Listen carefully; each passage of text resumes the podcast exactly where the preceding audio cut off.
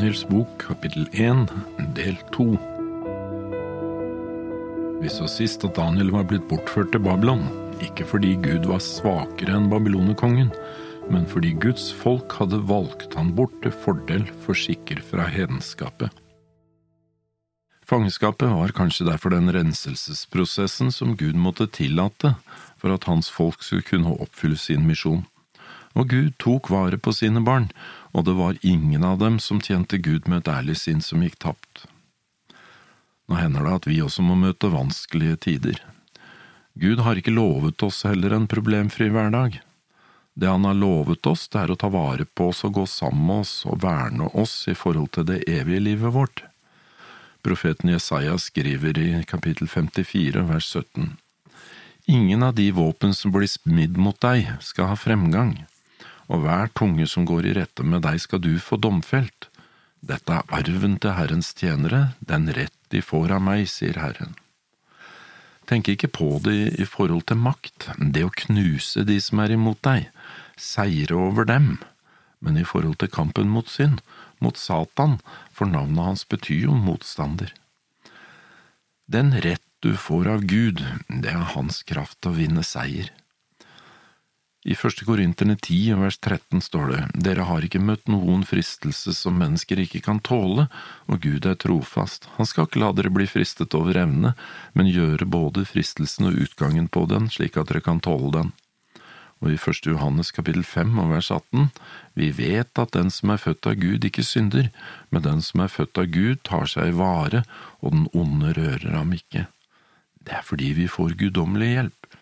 I lignelsen om den urettferdige dommeren i Lukas 18 så avslutter Jesus historien med et spørsmål. Men når menneskesønnen kommer, mon han da vil finne troen på jorden? Leser vi vers syv, finner vi at det dreier seg om nettopp er å tro at Gud vil gi seier over synd, over din motstander, som jo er djevelen. Men skulle da ikke Gud hjelpe sine utvalgte til sin rett? Det var den retten som Gud ønsket å gi dem, de som roper til ham dag og natt, er han sen når det gjelder dem. De problemene vi opplever på veien, se på det som Guds nåde mot deg, en renselsesprosess for å gi deg himmelens karakter. Israels barn ønsket Guds makt for å kaste ut romerne, ikke hans karakter. Hva med oss som lever i dag? Hva ønsker du? Ønsker du makt, eller ønsker du karakter? I Daniel kapittel 1 og vers 2 så står det at Herren overga Judas konge Jojakim i babylonerkongens hånd, likså en del av karen i Guds hus. Nebukadnesar brakte karene til Siniars land til sin Guds hus, og han satte dem i sin Guds skattkammer. Senere i Daniels bok så møter vi det lille hornet som skal gjøre utrolige ting. Jeg føler at vi allerede her bør merke oss hva Nebukadnesar gjør. Han tar karene, de som var innvidd til tjeneste i Guds hus, og så setter han de i sin Guds skattkammer. Tror du endetidens Babylon vil gjøre noe tilsvarende? Vi kan jo bare tenke over det. I vers tre så står det at kongen sa til Aspenas, sin øverste hoffmann, at han skulle ta med seg noen av Israels barn, både av kongeheten og av de ansette familier. Unge gutter som var uten lyte, med vakkert utseende og som la for dagen forstand på all slags visdom og hadde evner til å vinne kunnskap og få innsikt i vitenskap slike som var skikket til å tjene i kongens slott. Dem skulle han gi opplæring i kalderende skrift og språk. I vers fem så står det at kongen bestemte at de hver dag skulle få spise av den samme fine mat som han og drikke samme slags vin. I tre år skulle de få opplæring, og etter den tid skulle de gjøre tjeneste hos kongen. Det var en klok ordre som kongen ga. Ved å lære de opp i skrift og språk altså babylonsk tradisjon og kultur, kunne han få de til å anerkjenne og bli en del av Babylons visdom. De kunne da kanskje reise tilbake til Israel og styre provinsen for kongen, uten at kongen behøvde å engste seg så mye for opprør. De var jo israelitter, og når folk i Israel ikke lenger var så opptatt av sannhet, men hadde glemt den, ja, da lå jo veien åpen for det babylonske bedraget. Så da kan vi jo stille oss selv et spørsmål, da. Hva gjør eh, åpenbaringens babyloner konge i dag?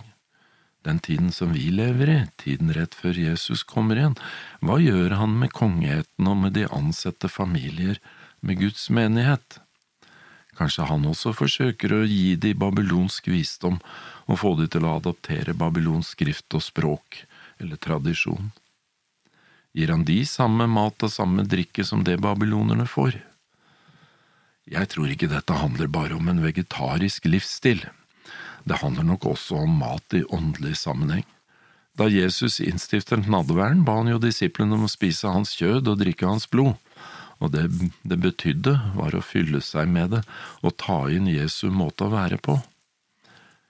I Jeremia kapittel 15 og vers 16 så står det, Jeg fant dine ord, og jeg åt dem, og dine ord var til fryd og glede for meg og mitt hjerte, for jeg er kalt ved ditt navn, Herre er skarenes Gud. Og I åpenbaringsboken kapittel 10 og vers 9 ser du noe tilsvarende, for der er det en som gikk bort til engelen og sa til ham at han skulle gi ham den lille boken, og han sa til meg, ta boken og sluk den, og den skal være bitter i din buk, men i din munn skal den være søt som honning. Det du fyller ditt sinn med, slik blir du og Satan vet det, og han har gjort alt han kan for å få oss alle til å spise samme slags mat, og det er det vel han som eh, serverer. Babylonekongen av i dag bruker nok samme fremgangsmåte. Gjennom skolesystemer og media så undervises vi alle i mange ting i dag, og det er ikke akkurat i harmoni med Guds ord det vi får. Daniel og vennene hans var klar over faren de ble utsatt for, mange i dag, de ser ikke engang faren, de sluker Babylons lære uten at de engang er klar over det. Jeg tror at vi alle er påvirket av Babylons tankegang. I Hosea kapittel fire og vers seks sier Herren, Mitt folk går til grunne fordi de ikke har kunnskap. Fordi du har forkastet kunnskapen, forkaster jeg deg, så du ikke skal tjene meg som prest. Du glemte din Guds lov, derfor vil jeg også glemme dine barn. Vi har også glemt Guds lov selv om vi påberoper oss å holde den. Vi har mistet mye fordi vi ikke kjenner innholdet av ordet og evangeliet godt nok. Vi er ikke immune mot Babylons lære i dag heller. Mange kristne er redd for infiltratører. Jeg er mye mer redd for at vi skal glemme hva som står i Guds ord, glemme hva som er sant. Fordi vi kjenner sannheten, er ikke det noen garanti for at den har fått innpass i livet vårt. Men kjenner vi sannheten, og den har fått innpass i livet vårt og har den som vår erfaring, da er det ingen infiltratør som kan ta den fra oss. Guds ord setter oss i stand til å skjelne mellom sannhet og løgn, og Helligånden hjelper oss til å avsløre selv det mest forkledde bedrag. Men vi må be Gud om hjelp til å se, og til å stå, og til å forstå hva som er sant og godt slik at du ikke faller når babylonekongen kommer for å hente unge mennesker fra menigheten og lærer dem opp i babylonske evangelium, og de så kommer tilbake og underviser det i vår menighet.